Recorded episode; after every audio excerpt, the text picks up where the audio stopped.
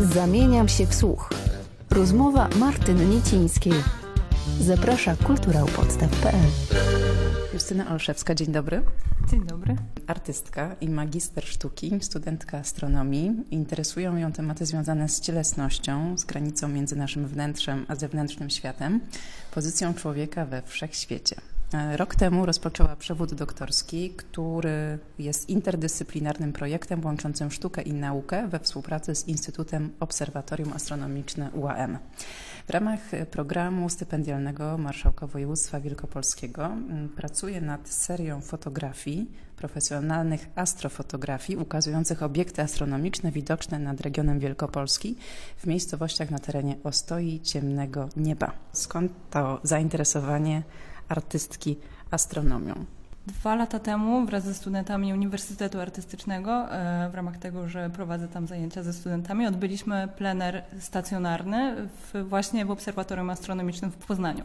I gdzieś mam wrażenie, że obudziły się we mnie e, jakieś takie marzenia z dzieciństwa związane z podróżą w kosmos e, i z kosmosem. I przypomniałam sobie o tym, że było to dla mnie bardzo ważne hobby jeszcze za czasów właśnie takiego wczesnego dzieciństwa. I zaczęłam drążyć temat, trochę się przykleiłam do obserwatorium, przychodziłam tam rozmawiać z pracownikami. I w końcu za namową jednego z nich, Wojciecha Borczyka, złożyłam papiery na studia i, i, i, po prostu się dostałam i zaczęłam tą przygodę ze studiami. I też w międzyczasie narodził się właśnie taki pomysł, żeby zrealizować doktorat we współpracy z obserwatorium. Taki, który właśnie gdzieś będzie łączył te wątki związane ze sztuką i nauką, które też jako pracownik Wydziału Edukacji Artystycznej, gdzieś tutaj to myślenie jest mi bliskie po prostu. Mhm. No jest takie magiczne przeżycie, które mam wrażenie Y, pierwszy raz doświadczyłam właśnie Pierwszy raz w dzieciństwie oczywiście, a drugi raz y, na projekcie w Chile, gdzie wyszłam po prostu na środek pustyni i ten widok, który tam e, zobaczyłam, no, zapierał dech w piersiach i naprawdę to było wzruszające, ile obiektów jest widocznych na niebie. No niestety one w miastach nie są tak dobrze widoczne. Światła miast powodują, że widzimy około tylko 20 obiektów, 20 gwiazd na niebie w, takim, w takiej metropolii. W mniejszych miejscowościach jest ich 200, a na, właśnie w ośrodku e, ciemnego nieba widzimy około 2000. No więc zawsze gdzieś w moich projektach, tak jak zaczęłaś od początku, żeby moje projekty też skupiały się na skórze, na człowieku i tak dalej. Gdzieś też zawsze była dla mnie ważna bardzo ekologia. I w tym momencie zaczęłam się interesować tym tematem tego ciemnego nieba. Wiem, że tych ośrodków w Polsce jest już tylko pięć, a i tak one się jakby nie umywają do tego, co było widać gdzieś na pustyni na dwóch tysiącach metrów, gdzie powietrze jest suche i nie ma w ogóle żadnych świateł e, na horyzoncie. E, I wyjaśnimy ośrodek ciemnego nieba. E, ośrodek Ciemnego Nieba są to takie miejsca w Polsce, gdzie powstały rezerwaty i gdzie właśnie to niebo jest zachowane. Tam zarówno zwierzęta, które e, prowadzą nocny tryb życia, jak i rośliny mogą się spokojnie rozwijać. Tam nie mogą powstawać żadne większe miejscowości. E, jeden z takich ośrodków jest tutaj bardzo blisko, bo to jest w okolicach Sierakowa, Halina. To jest ośrodek właśnie Ciemnego Nieba w Halinie. W, ogóle tam bardzo fajny pro, projekt powstał, mam wrażenie, że z ramienia burmistrza, który też wspiera ten mój projekt e, marszałkowski, gdzie wymieniono lampy lampy na takie, które nie świecą w niebo, tylko świecą centralnie na dół jezdnie, więc nie naświetlają nam tego nieba. E, I też fajna inicjatywa to była, bo pozwolono mieszkańcom miejscowości na wybranie modelu lampy, który im się podoba. Było głosowanie normalnie zrobione internetowe, jak, w sensie taka fajna aktywizacja ludzi po prostu, żeby też zainteresowali się tym tematem. Z takich fajnych akcji też była ta akcja zgaszenia lamp. Wieczorem tam był taki jeden dzień. Godzina dla Ziemi. Tak, taka godzina mhm. dla Ziemi. Okazuje się też, że godzina dla, dla nieba. Tak, godzina dla nieba.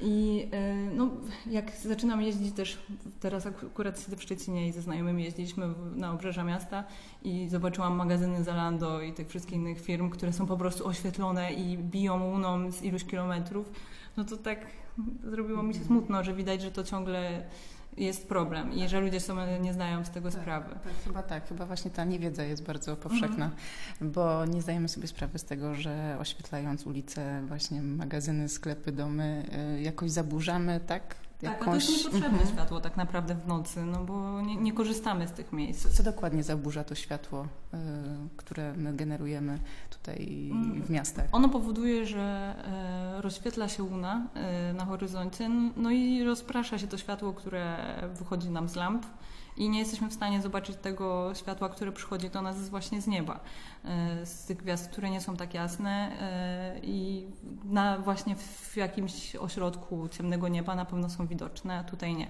No i właśnie przy takich fotografiach, jakie wykonuję, przez to, że ja dodatkowo też daję dłuższy czas naświetlania, ja zyskuję jeszcze więcej. Mimo tego, że fotografuję w ciemnych miejscach, jest taka bardzo fajna mapa, e, polecam sobie sprawdzić, e, Light Pollution się nazywa, można sobie zgooglować i tam możemy sobie porównać w ogóle i jak wygląda niebo pod Poznaniem, a jak wygląda niebo na Atakamie w Chile, a jak wygląda nawet w naszym Drawieńskim Parku Narodowym, e, gdzie rzeczywiście tam jest poligon i tam nie ma świateł i jest ten właśnie też zamknięty park. Także y, polecam sobie sprawdzić, bo tam rzeczywiście tą skalę widać, jaki jest problem przy wielkich metropoliach i jak się żarzą aż na czerwono na tej mapie. Byłaś w tych wszystkich miejscach, które teraz wymieniłaś? Jeszcze przede mną e, dwa największe ośrodki w Polsce. E, właśnie nie byłam jeszcze w Bieszczadach przez całe swoje życie, co jest bardzo dziwne w sumie, bo uwielbiam chodzić po górach. I szykuję się na taki wyjazd e, na warsztaty właśnie z astrofotografii. To się nazywa Szlakiem Gwiazd. On niestety zostały przełożone z powodu wirusa. Miałam jechać w kwietniu, a będę jechać teraz jesienią, w październiku.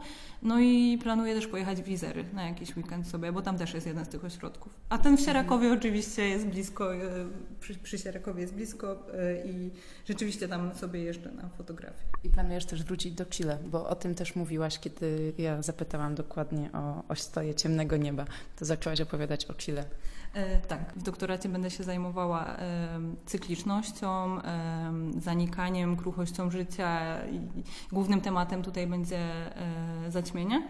Planowałam e, indywidualnie po prostu pojechać na zaćmienie do Chile, ale okazało się, że parę osób z obserwatorium też się na to więc założyliśmy sobie taki pięcioosobowy kolektyw i pojechaliśmy trochę spontanicznie, bo trochę późno zaczęliśmy organizację, pojechaliśmy właśnie do Chile. UAM nas bardzo tutaj fajnie wsparł, e, pani rektor dała nam trochę kasy na bilety i, i się udało.